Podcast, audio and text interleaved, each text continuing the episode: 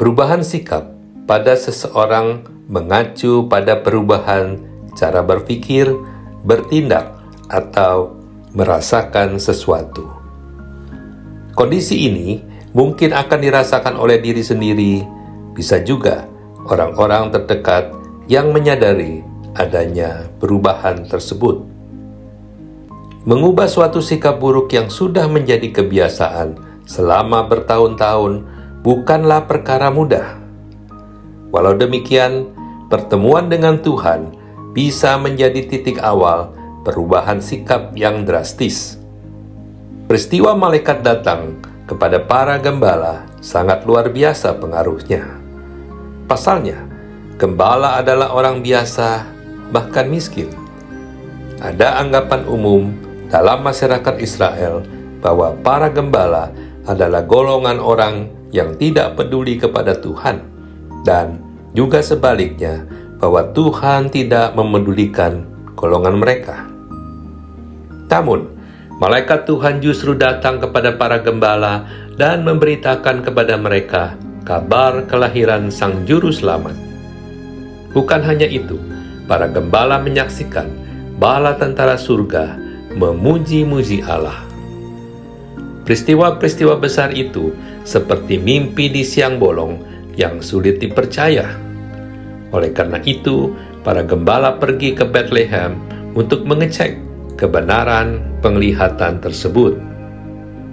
Hasilnya, apa yang mereka lihat persis sama seperti apa yang dikatakan oleh malaikat Tuhan. Peristiwa tersebut membuat para gembala begitu bersuka cita.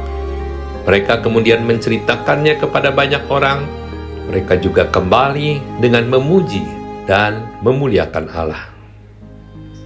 Ada empat hal atau peristiwa penting terkait dengan para gembala, yaitu yang pertama, orang biasa yang tidak peduli akan Tuhan.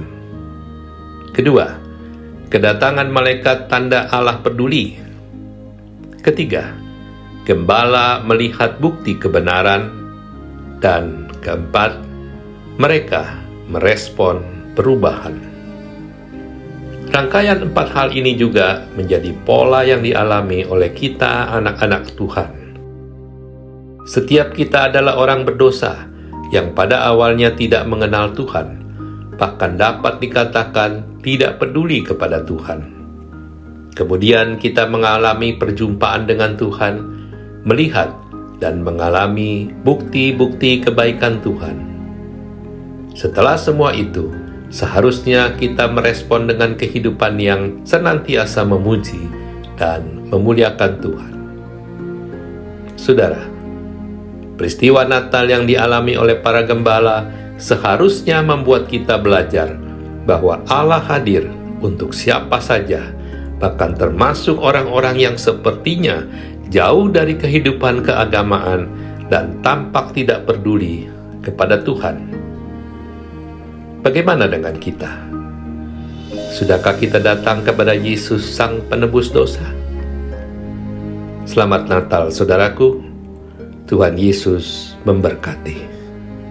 Amin.